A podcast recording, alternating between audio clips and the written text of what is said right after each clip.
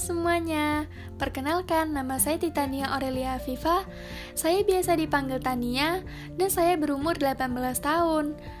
Di sini, saya berstatus sebagai mahasiswa baru di salah satu perguruan tinggi negeri di Indonesia, yaitu Institut Teknologi Sumatera atau yang biasa disebut sebagai ITERA. Di sini, saya memilih program studi Teknik Geofisika karena saya pengen kerja di salah satu Badan Meteorologi, Klimatologi, dan Geofisika atau yang biasa kalian dengar sebagai BMKG. Awalnya saya bingung mau milih prodi apa, dan akhirnya saya memutuskan buat memilih prodi Teknik Geofisika. Oke, jadi kita kembali ke pembahasan awal aja ya. Di sini saya akan membahas tentang future planning atau yang biasa disebut dengan harapan buat ke depannya. Untuk saat ini, saya sedang mengikuti kegiatan mahasiswa baru atau yang biasa disebut sebagai ospek. Di ITERA sendiri biasanya disebut dengan PPLK. Selanjutnya, setelah PPLK selesai yang bakal saya lakuin yaitu mendaftar dan mengikuti beberapa organisasi di kampus, yaitu salah satunya BEM atau Badan Eksekutif Mahasiswa. Kenapa sih saya tertarik buat ikut organisasi? Karena menurut saya kemampuan akademik saja itu tidak cukup.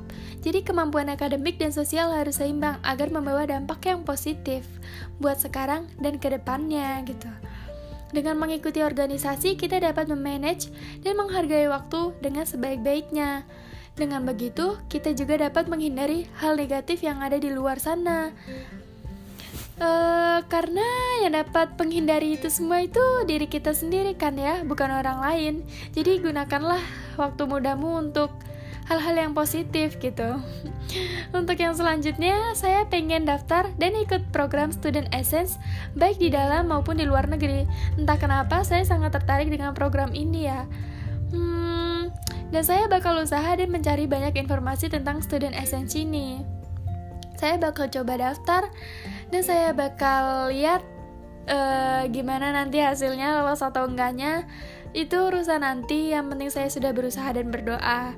Urusan yang lainnya itu urusan yang di atas. Oke untuk yang selanjutnya yang pastinya uh, lulus tepat waktu dan mendapat IPK yang sempurna. Ini kayaknya sih harapan semua mahasiswa sih ya.